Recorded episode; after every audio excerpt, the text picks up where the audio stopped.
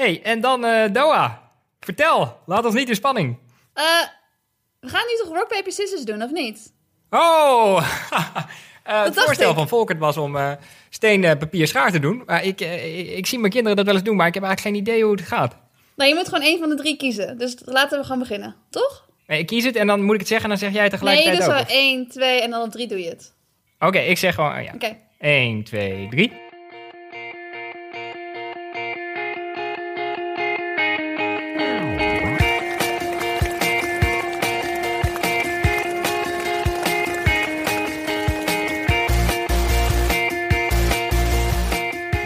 bij deze 22e aflevering van Sushi Q&A, de podcast over hardlopen, training en wedstrijden. Ik ben Oliver Heimel, hoofdredacteur van Runners World. En aan de lijn, vanuit St. Moritz, zit topatlete Susan Crummins.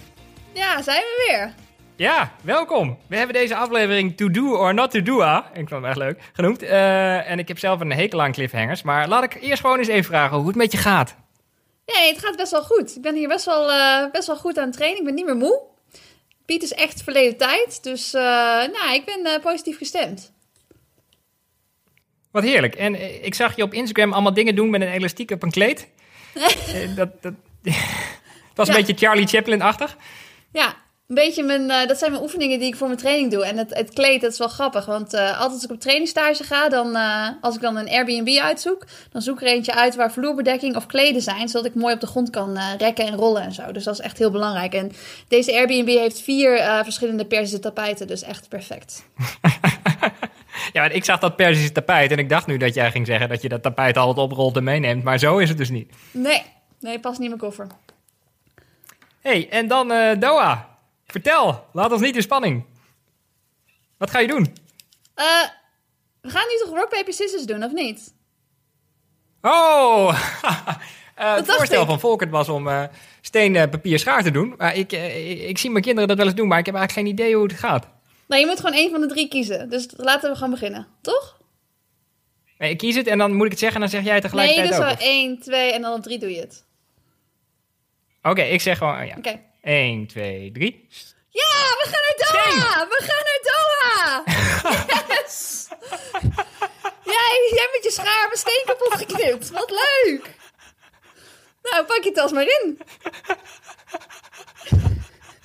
Wow! ik heb geen idee wat hier gebeurd is.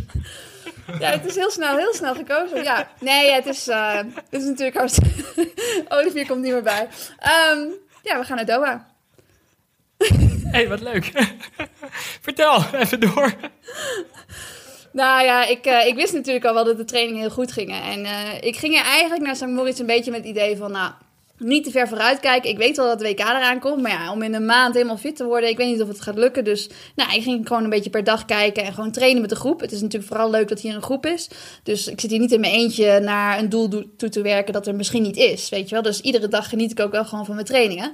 Maar ja, eigenlijk gingen de trainingen steeds beter en kon ik steeds, steeds beter met die andere meiden trainen. En toen uh, ja, hebben we uiteindelijk gisteren besloten van, uh, ja, eigenlijk gaat het gewoon goed genoeg. En uh, kijk, het is gewoon geen risico om daar te lopen. En dat is het, ja, iedere wedstrijd is altijd wel een beetje een risico. Maar het is gewoon, ja, ik ben er klaar voor om ook in spikes te lopen. Ik heb genoeg uh, rondjes op de baan gerend. Dat is natuurlijk ook belangrijk om echt, echt die bochten en zo, om dat weer een beetje ja, onder de knie te krijgen. Omdat je anders kun je jezelf gewoon blesseren natuurlijk.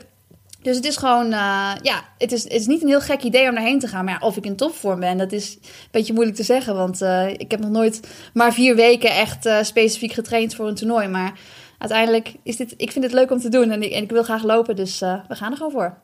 Ja, ja begrijp ik. Is er, is er eigenlijk een halve finale en een finale? Of hoef je gewoon maar één keer te vlammen? Nou, nee, gelukkig is het maar één keer. Want het is natuurlijk wel 25 rondjes.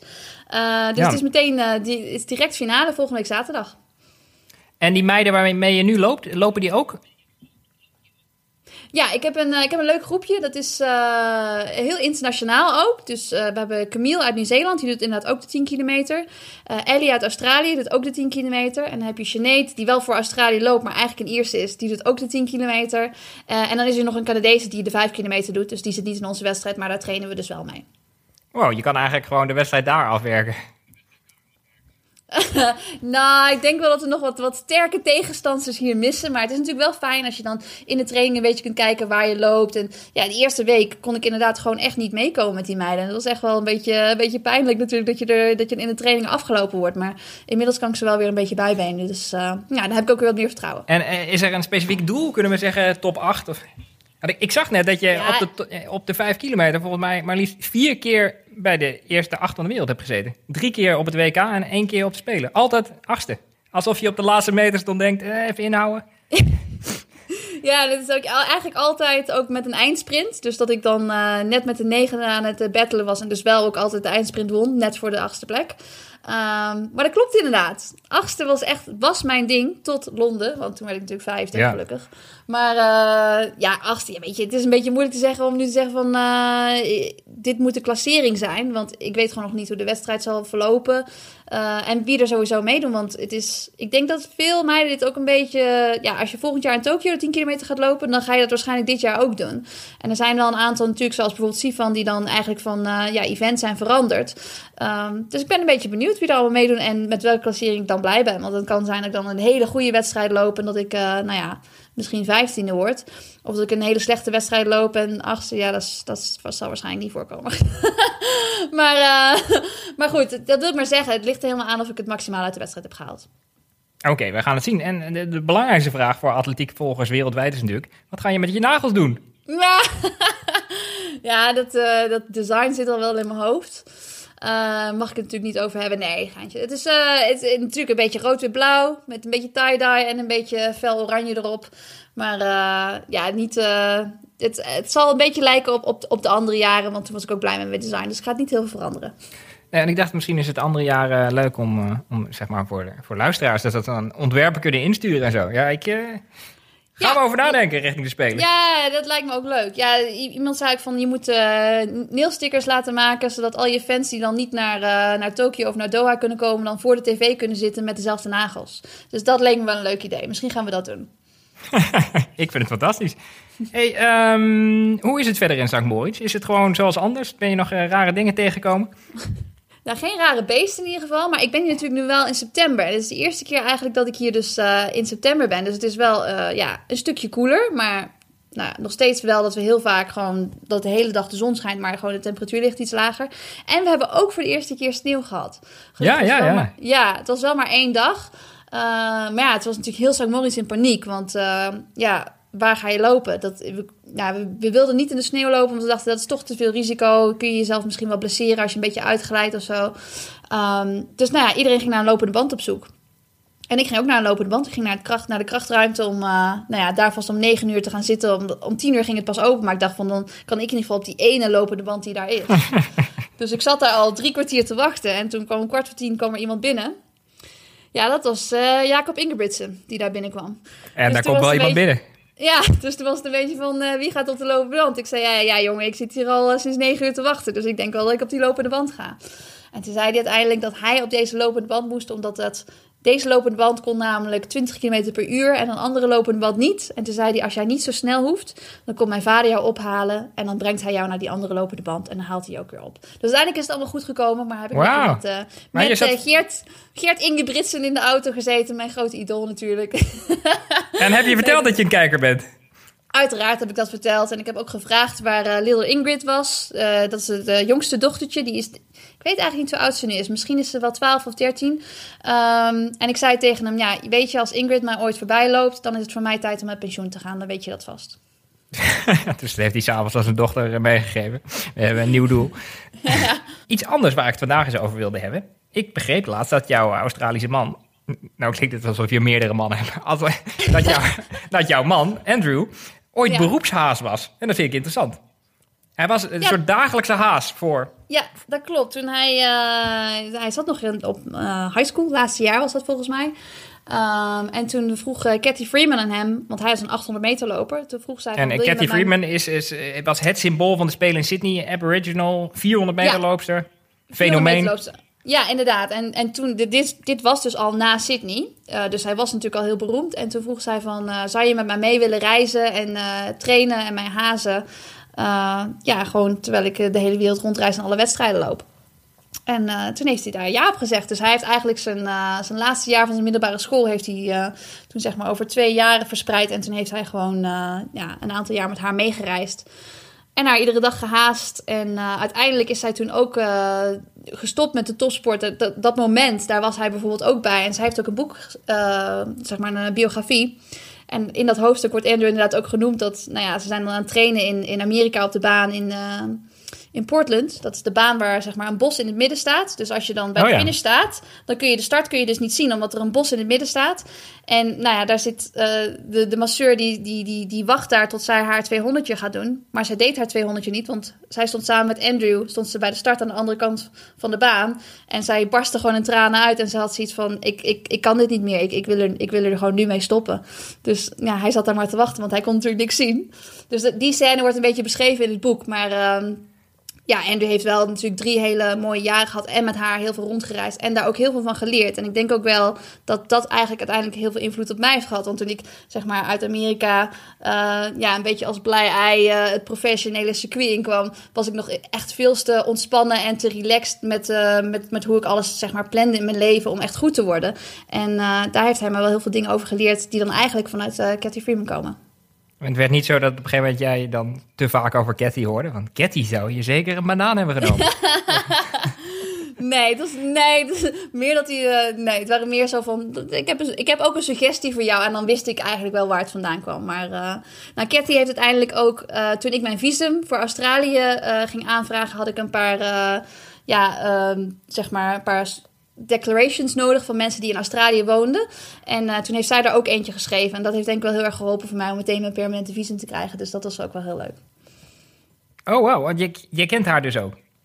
Ja, ik ken haar. Dat klopt. Ik zie haar natuurlijk niet meer zo vaak, maar goed. um, nou, uh, weer iets anders. Uh, zo rond dit Damloopweekend moet ik altijd denken aan de vorige Damloop. Want dat is het moment dat wij begonnen met deze podcast op 18 september. We hebben het helemaal niet gevierd eigenlijk. Oh en, ja. Ja, jij, jij, vertelde me toen na onze eerste uitzending dat je het zo mooi vond dat de organisatie in de stromende regen natte sponsen uitdeelde. Want ja, ja, dat doen ze nou eenmaal. En, en, toen dacht ik gelijk, ik wil nog een aflevering maken. Dus ik denk dat het allemaal zo begonnen is. Ja, allemaal door de sponsor. Uh, het is uh, hoog tijd voor ons eerste segment. Als Suzy, stuur je vraag in, dan beantwoordt Suzanne die hoogpersoonlijk in de uitzending. Ik ga de volgende keer hier trouwens mijn dochter ook om een vraag vragen. Want mijn dochter is echt on fire qua vragen. Oh, mooi twee weken geleden, toen zei ze, s'avonds dan ligt ze in bed en dan zegt ze, kom je nog even bij me zitten papa? En dan, uh, want ik wil je iets vragen. Dus ik was heel benieuwd. En ik denk, ik ga het heel serieus nemen. En toen zei ze, papa, um, vind je mijn vissen dik? moest gewoon heel hard lachen, wat zij heel teleurstellend vond. Maar het bleek dus dat dat mama had gezegd dat ze te veel voer gaf aan de vissen, zeg maar. En dat ze daarom dachten, ze, maar ik, het duurde een tijdje voordat ik deze vraag kon uh, plaatsen. ik, ik vind het trouwens heel erg dat we vissen hebben, maar jij, uh, jij hebt daar vast geen medelijden mee, toch? Jij, jij eet kangoeroevlees, dus... Oh, nee. Ja, nee, ik heb vroeger ook vissen gehad. Dat, ja, en die kon ik ook niet in leven houden. Dus toen dacht ik van, nou ja, dan uh, voor mij is het maar beter om geen huisdieren te hebben. Dat is wel een goede test. Ja, ja, ja, maar gisteren vroeg mijn dochter dus, toen ging ik weer naast haar zitten en toen dacht ik, nou deze keer ga ik het helemaal serieus nemen. Uh, en toen zei ze, mag ik je iets vragen? Papa, hoe zit het leven in elkaar? Oh, wow. Nou, is dat mooi of ja, wat? Dat is wel, ja, uh, zijn wel uh, een beetje contrast tussen die twee vragen. ja, ja, zeker. Ik ben er niet helemaal uitgekomen, maar de volgende keer stel ik me gewoon aan jou. Ah, fijn. We gaan door naar de echte vragen. Een vraag van Jacco van der Brink. Loop je wel eens een steeplechase of heb je dit ooit overwogen? Ha, dat is grappig. Ja, ik heb wel eens een steeplechase gedaan. Um, als junior. In mijn laatste jaar als junior, toen uh, ik werd door Has van Kuik gecoacht. En uh, toen zei Has zo van, Suus, we gaan proberen om zoveel mogelijk juniorenrecords te pakken. Lijkt me leuk. Dus nou, ik ging allemaal uh, onderdelen doen die ik normaal nooit deed. Want ik deed eigenlijk alleen maar een beetje, ja, 800, 1500. Ik vond 5 kilometer eigenlijk al te ver, maar die deed ik wel af en toe. En uh, toen zei hij, nou, dan gaan we ook gewoon een stiepel doen. Dus ik had uh, wel een beetje geoefend voor die stiepel. Alleen uh, de waterbak in, in Nijmegen, die kon je toen niet in hoogte verstellen. Ik weet, nu, nu is dat wel zo, maar dat kon toen niet. Dus ik kon de waterbak kon ik alvast niet oefenen. Maar Has zei, ja, dat komt wel goed. Alleen ja, in de wedstrijd bleek dat toch heel moeilijk te zijn. En ik gleed ook bijna uit op de balk. En het was echt, ik heb een paar foto's dat ik helemaal met mijn armen wijd over die, die stiepel heen kom. Uiteindelijk heb ik de finish gehaald, maar ik ben wel ontzettend dood gegaan. En dat record is gewoon helemaal niet gelopen Was niet zo En, succes. en- maar wat was de tijd? Of eh, is dit eh, ver weggezakt? Eh, ik denk dat het misschien iets van 10, ergens in de 1040 was. En het record stond misschien op 10, nou, ja, 26 of zo. Dus ik dacht, het record staat niet zo scherp. Ik kan dat wel als je kijkt naar mijn 3 kilometer tijd. Maar uiteindelijk die laatste ronde werden die balken opeens veel hoger. Ik dacht, heeft iemand die nou hoger gezet of zo? Maar ja, ik, het is toch niet voor mij. En dat ritme onderbreken en zo, dat is echt niet mijn ding. Dus nee, not for me. Het is eh, een lesje in nederigheid. Zou het wel een goede training zijn trouwens? Vraagt Jacco nog. Een goede training. Nou, ik weet wel dat ik na die stiepel... Toen kreeg ik voor het eerste keer kreeg ik een beetje last van mijn Achillespees. Terwijl ik eigenlijk nooit eh, klachtjes had als junior. Oeh. Dus ik had zoiets van, nou, goede training. Het is, het is, nee, ik kan maar beter gewoon vlak blijven lopen. Uiteindelijk heb ik trouwens van alle recordpogingen die ik heb gedaan als junior... alleen maar de twee kilometer gepakt. Dus dat is vet grappig, want dat loopt natuurlijk niemand.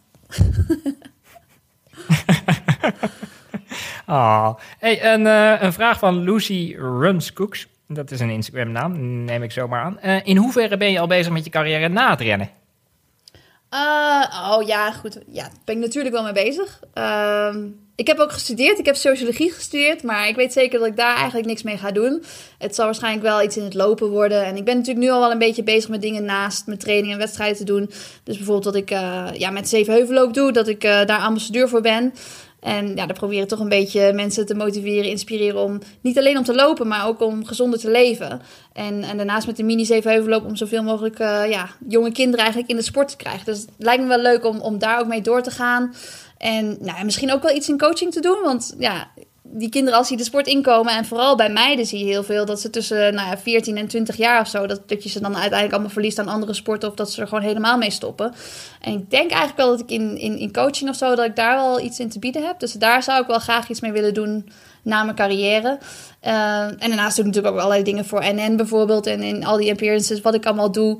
Uh, nou ja, daar oefen ik natuurlijk allemaal skills mee... waar ik uiteindelijk na de sport ook wel iets aan zal hebben. En nou ja, wat ik daar precies mee ga doen en hoe dat ingevuld wordt, weet ik nog niet. Maar ongetwijfeld iets met hardlopen.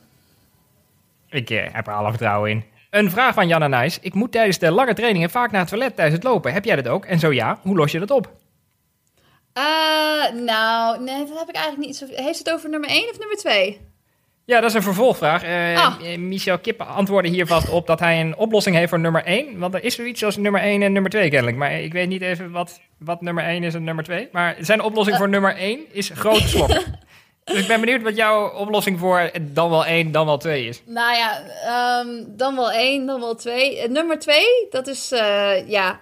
Dat, dat komt, me, komt me eigenlijk niet zo... Dat gebeurt niet zo vaak. Dat is uh, eigenlijk alleen maar als ik echt iets gegeten heb... wat ik normaal niet zou eten voor de training. Dus uh, okay. daar zorg ik eigenlijk voor dat ik het niet doe. Ik weet, ik weet een keertje dat het niet helemaal goed ging... toen ik uh, ja, een bossenbol had gegeten voor de training. Dus ja, die, toen ben ik toch een... Ja, dat gaat bij als bossenaar aan het hart, maar... Ja, toen ben ik gewoon een duurloopje gaan doen in Nijmegen. En toen ja, heb ik toch een bossenbol ergens in, in het bos in Nijmegen moeten achterlaten was trouwens wel eentje van Jan de Groot. Dus dat is wel een hele lekkere. Maar uh, ja, dus, een dus, echte. Ja, dus dat gaan we niet meer doen. Uh, maar als ik moet, uh, moet plassen of zo, ja, dan dat, dat doe ik ook gewoon in het bos. Dat is, maar ja, komt dat vaak voor. Eigenlijk alleen maar bij lange trainingen. Dan moet het voor mij wel echt anderhalf uur zijn. Of het moet heel warm zijn, dat ik echt heel veel gedronken heb. En ja, dat ik dan wat sneller naar de wc moet. Maar ja, meestal als ik gewoon een duurloopje van een uur doe of zo, dan, dan hoef ik niet naar de wc. Dat, dat kan wel naar de hand. Ik eh, vond uh, de, het antwoord van jouw bijna naamgenoot Michel Kip trouwens wel heel goed. grote slokken. Ik weet niet of het werkt, maar ik vond het wel een verrassende tip. Um, ja. Voormalige naamgenoot dan. Run with Joyce vroeg, hoe zien jouw laatste 48 uur voor een wedstrijd eruit en waarom? laatste, dan zullen we het gewoon meteen over Doha hebben. Is misschien wel leuk.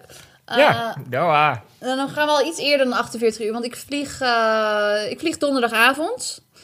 Uh, dus dan kom ik best wel laat aan in Doha. En ik uh, loop natuurlijk zaterdagavond. Dus nou ja, op, op de vrijdag dan, die dag is eigenlijk het belangrijkst uh, om fysiobehandeling te krijgen. Zodat ik ervoor zorg dat na de vlucht dat gewoon mijn lichaam helemaal goed is en dat ik er klaar voor ben om een wedstrijd te lopen. En verder die dag doe ik natuurlijk niet zoveel. Ja, ik moet mijn accreditatie ophalen. Dus dat betekent, dat is meestal ook wel een lang proces waarbij ze je paspoort nodig hebben en foto's maken en weet ik wat allemaal. Dus nou ja, dat soort dingen moet je allemaal doen.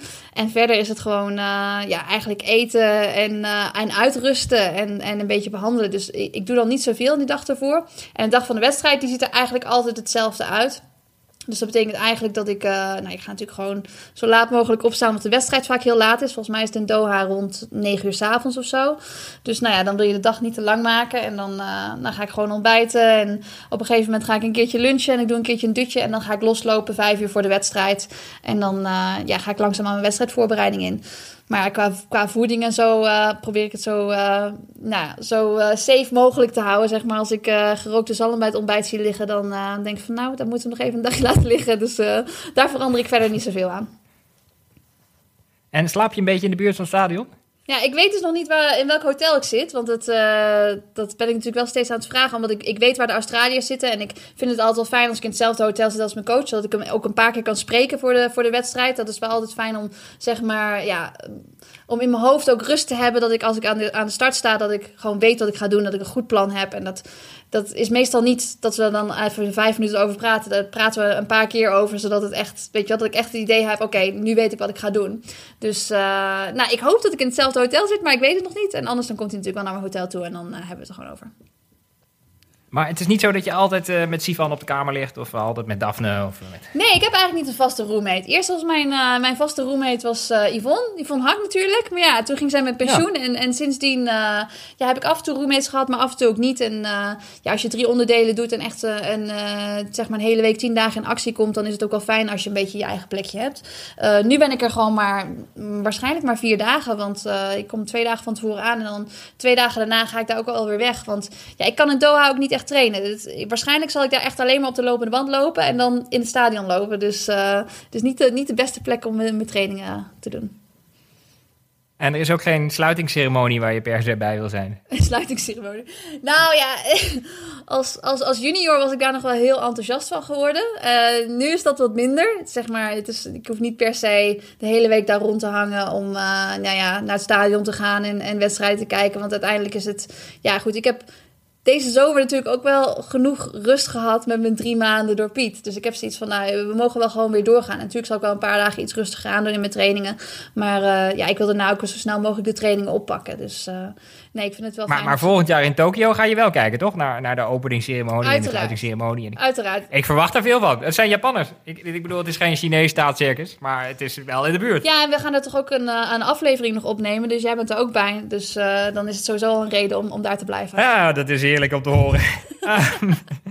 een aanvullende vraag van Tijn Piest. Lees, uh, let je in de week van de wedstrijd veel op je voeding? Heb je net eigenlijk al een beetje antwoord op gegeven dat je de, de Noorse zalm specifiek even overslaat? specifiek. Ik weet niet hoe die in uh, Doha ligt überhaupt. Maar... nee, dat weet ik ook niet. Maar volgens mij hebben ze daar, wat ze daar niet hebben, dat halen ze gewoon binnen, toch? Dus... Uh... Uh, ze zullen er alles hebben. Ja, ik let er altijd op dat ik niet te veel vezels eet. En dan vooral in de dagen van tevoren, dan ga ik niet opeens uh, keihard uh, broccoli laden. Want daar heb je namelijk niet zoveel aan. Normaal zijn vezels heel gezond, maar in de wedstrijdweek dan, ja, dan wil je eigenlijk alles zo simpel mogelijk houden dat je nergens last van krijgt. Ik begrijp het. En dan een vraag van ons covermodel deze maand, Nathalie de Boer. Willen jullie meer, vaker, langere podcasts maken? Ja, kijk, Nathalie, wij moeten ook nog dingen doen, hè? En dingen meemaken. en ik moet blaadjes maken en Suzanne moet uh, hollen in Doha. Ja, rondjes rennen. Dus anders namen we de hele dag podcast op. Ja. Zo is het ook. Uh, Martijn van Essen vraagt, ik train altijd op hartslag. Nu heb ik vrijdag een wedstrijd gelopen, 10 kilometer, en had ik een gemiddelde hartslag van 180. M mijn maximale hartslag is 192, dat lijkt me best hoog. De vraag is vooral, hoe lang mag je stuk gaan op hartslag in een 10 kilometer. En haal je ook wel eens je maximale hartslag in een 10 kilometer wedstrijd? Of hoeveel slagen zit je eronder? Ja, ik draag dus echt nooit een hartslagmeter in wedstrijden. Ik heb wel gewoon zo. Oh. Ik heb een horloge waar ook zo'n hartslagmeter in de pols zit. Alleen ik heb van die dunne polsjes, ja, het, het slaat nergens op. De, als ik naar, naar het getal kijk, denk ik altijd van ja, dat is niet waar. Dus ik moet wel altijd een hartslagband om. En zo'n band die wil ik dus niet om. Jij bent een hartslagskepticus, merk ik. je denkt gewoon standaard, het klopt niet. Zelfde Ja. klok klopt twee keer per dag als hij stilstaat, maar...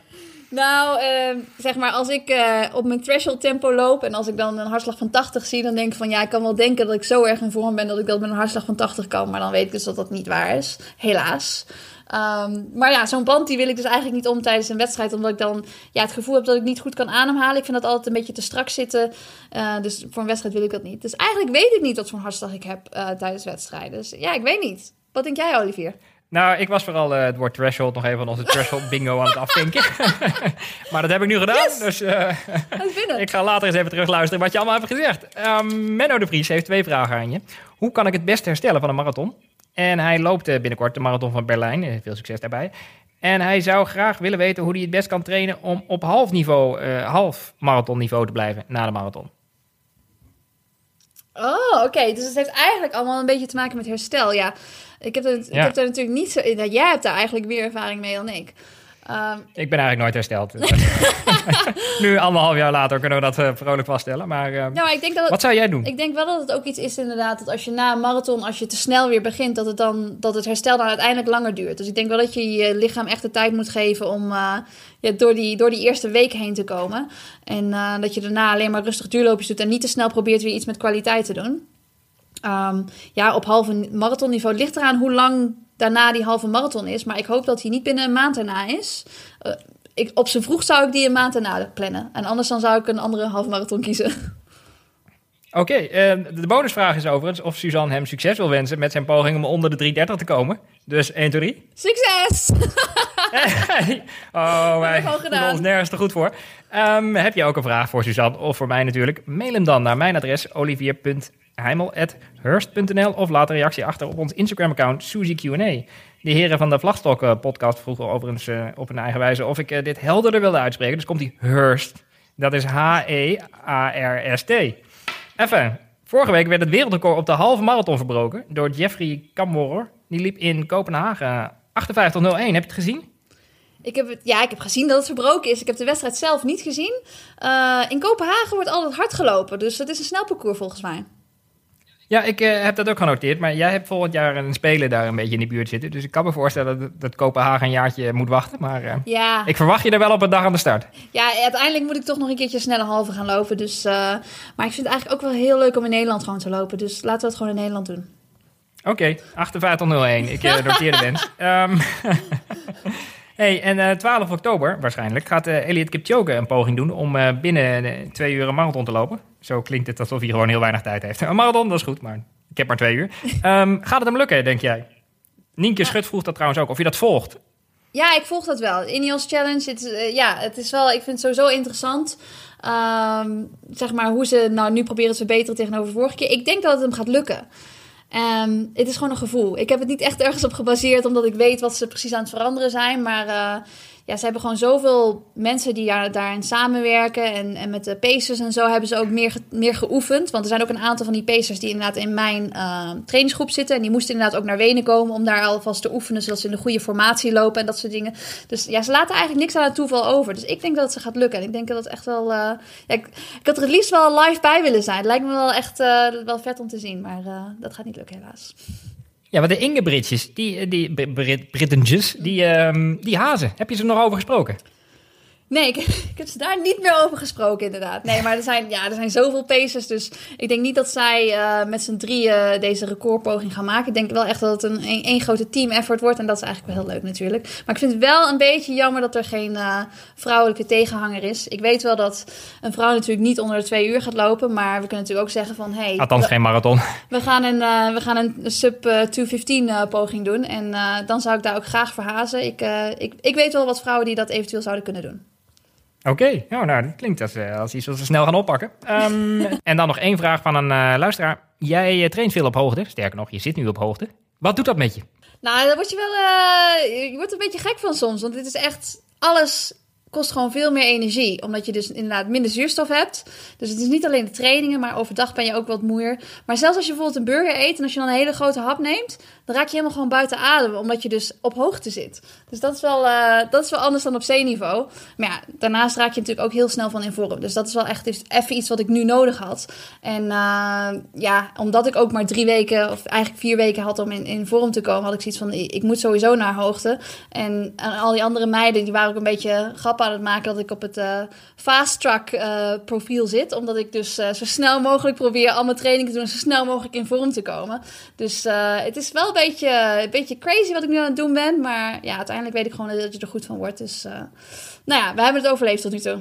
Je dacht niet, omdat ik zo kort heb, wil ik nog meer hoogte opzoeken dan die andere meiden? Dat je zeg maar echt op een keukentrapje gaat slapen en Ja, je zou dat kunnen doen. In, St. Moritz zijn er ook wel teams die dat gedaan hebben. Zelfs zijn er teams die dan zeg maar gewoon zo'n generator meenemen. En dan zeg maar de, de huiskamer of de slaapkamers van, van een appartement op bijvoorbeeld 2400 meter maken. En dan op 1800 meter gaan trainen. Uh, maar er zijn ook teams die dus die, die, die zeg maar helemaal bovenop de berg ergens gaan zitten super hoog. En dan iedere dag een lift naar beneden pakken om dan te trainen. Maar ja, dan verspil je gewoon echt veel te veel energie aan, aan zeg maar, uh, reizen voor de training. En wat juist zo lekker is in St. Moritz, is dat ik hier in mijn appartementje zit. En dat ik vanuit hier gewoon uh, twee uur de ene kant op kan rennen, twee uur de andere kant op kan rennen. En dat je gewoon uh, eigenlijk nergens heen hoeft te reizen. Dus dat is, dat is juist het voordeel hiervan.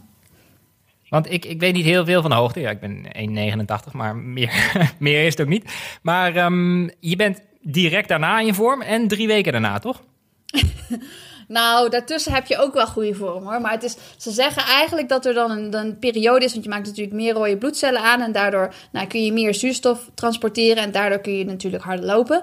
Alleen ze zeggen dat je dan tussen nou ja, ongeveer twee, drie dagen en tien dagen dat er een beetje een, een dipje komt waarin je eigenlijk wat min, minder energie hebt. Maar ik moet zeggen dat ik uh, eigenlijk bij alle toernooien die ik gelopen heb, uh, liep ik eigenlijk de 10 kilometer dan twee dagen naar hoogte. En dan moest ik daarna de series van de 5 kilometer, moest ik wel precies midden in dat dipje lopen. Uh, en toch gingen die eigenlijk altijd wel goed. Dus ik denk ook wel dat het iets is wat zeg maar in je hoofd kan zitten. Van als je denkt dat je een dipje hebt, dan heb je zeker een dipje. En als je denkt dat je daar geen last van hebt, dan heb je er ook geen last van. En, Eh, want het liefst staat je eigenlijk het hele jaar op hoogte, of is het ook wel weer lekker om gewoon bij ons te zijn? nou, ik zeg altijd dat uh, Nederland en dan eigenlijk vooral Nijmegen vind ik echt de allermooiste plek om te trainen en de beste plek om te trainen. Maar als het op hoogte zou zijn, dan zou het helemaal perfect zijn. Ik zou het liefst inderdaad wel het hele jaar op hoogte zitten als het in Nederland was. Maar ja, St. Moritz is, is niet thuis. Ik zit hier echt in een super klein appartement, in zo'n klein studiootje, omdat het natuurlijk super duur is. En uh, ja, voor een paar weken per jaar kan ik dat wel doen. En, en, en zeker als ik me aan het voorbereiden ben op een belangrijke wedstrijd. Maar ik zou niet het hele jaar door in zo'n klein studiootje hier kunnen zitten. Ja, ja want dat, dat. Ik, ik, ik weet dat Zwitserland vrij duur is, maar is het ook zo dat je 19 euro uh, wegslaat voor een cappuccino? Of? Uh, ja, ik, ik ga geen koffie drinken buiten de deur, omdat ik gewoon weet hoe duur het is. Ik neem gewoon mijn Aeropress mee en ik heb mijn grinder mee, ik heb mijn koffiebonen mee. En ik maak daar gewoon een, uh, een hele koffieceremonie van twee keer per dag. dus dus ik ga daar verder niet veel geld aan uitgeven buiten de deur. Maar ja, als je dat wil doen, dan, ja, dan uh, ben je inderdaad wel veel kwijt. Oef, oké. Um, nou, goede reistips. En dan het tweede segment is het eigenlijk. Het woord van de week.